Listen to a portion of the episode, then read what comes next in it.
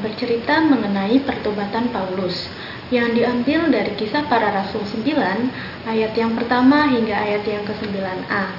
Nah, di sini kakak akan bertanya nih pada adik-adik semua, siapa yang di sini pernah mendengar cerita mengenai Bapak Paulus?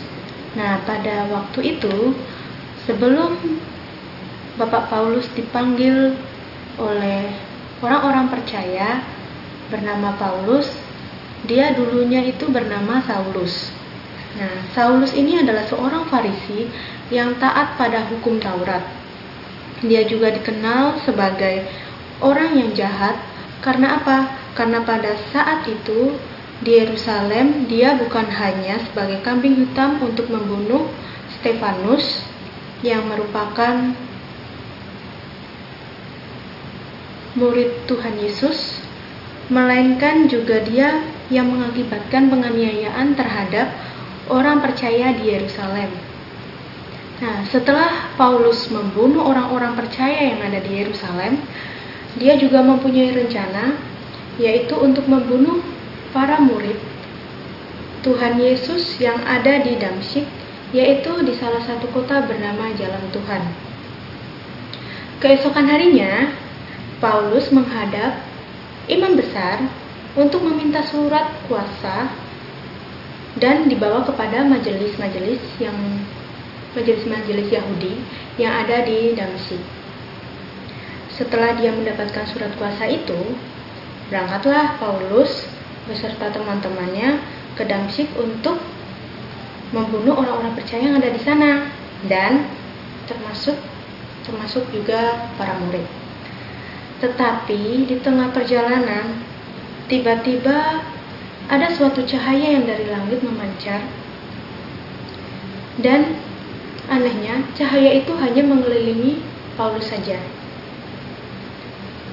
Lalu Paulus pun terjatuh dari kudanya dan kedengaran suara yang berasal dari cahaya itu mengatakan bahwa Saulus, Saulus, engkau menganiaya aku?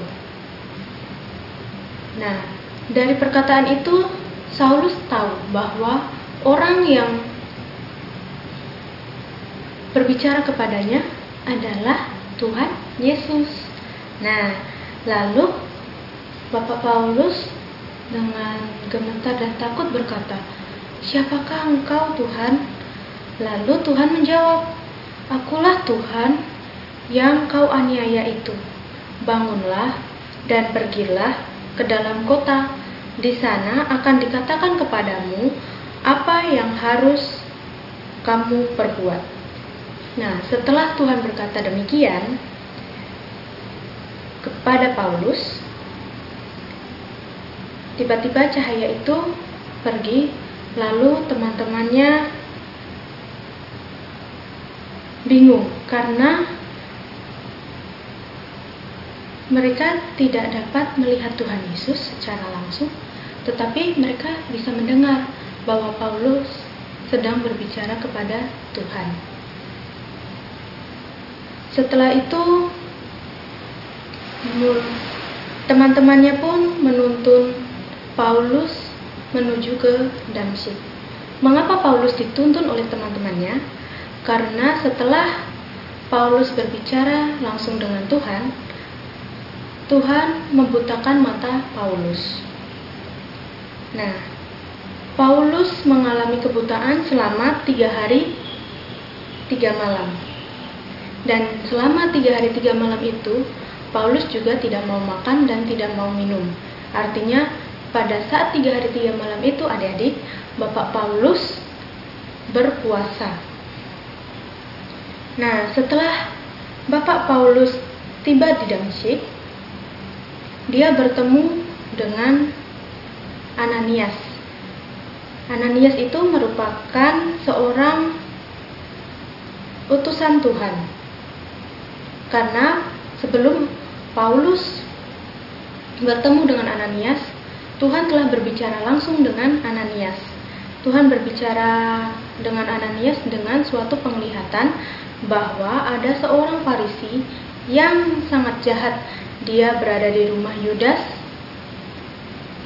dan dia bernama Paulus. Dia harus menumpangkan tangannya ke atas kepala Paulus supaya Paulus dapat melihat lagi. Nah, awalnya Ananias itu tidak mau, bahkan ragu untuk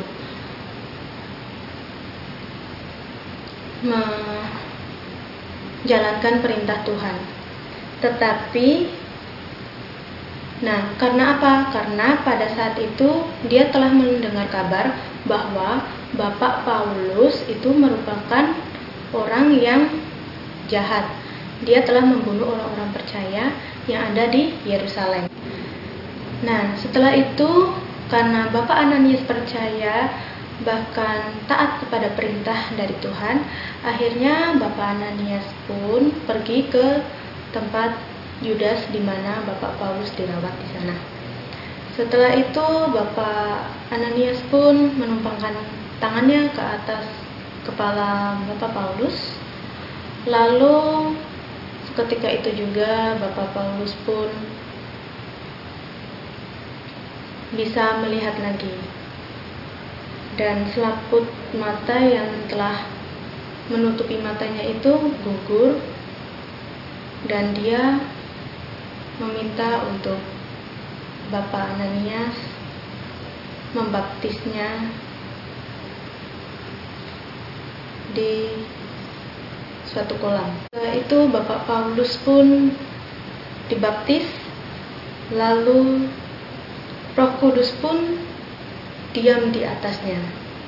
Nah, setelah Bapak Paulus penuh dengan Roh Kudus dan dibaptis dan percaya kepada Tuhan Yesus, akhirnya Bapak Paulus pun bertobat dan dia mengikuti para murid untuk memberitakan Injil di Yerusalem.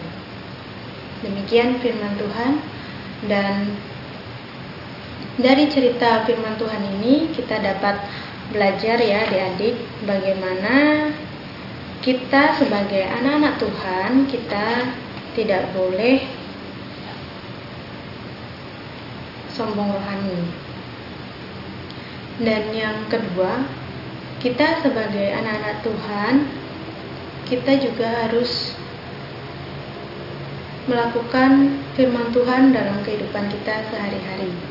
Nah, mungkin kita pernah nih mengalami yang namanya tidak taat kepada orang tua, mungkin pernah berkelahi kepada teman. Nah, dari situ terkadang Tuhan mengingatkan kepada adik-adik untuk selalu meminta ampun kepada Tuhan. Karena apa? Karena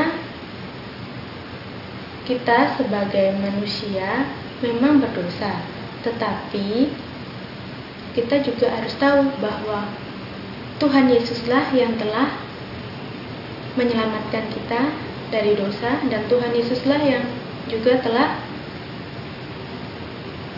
membentuk kita, menciptakan kita menjadi orang-orang pilihannya. Demikian firman Tuhan. Amin. Mari kakak mengajak adik-adik semua untuk berdoa. Mari kita berdoa.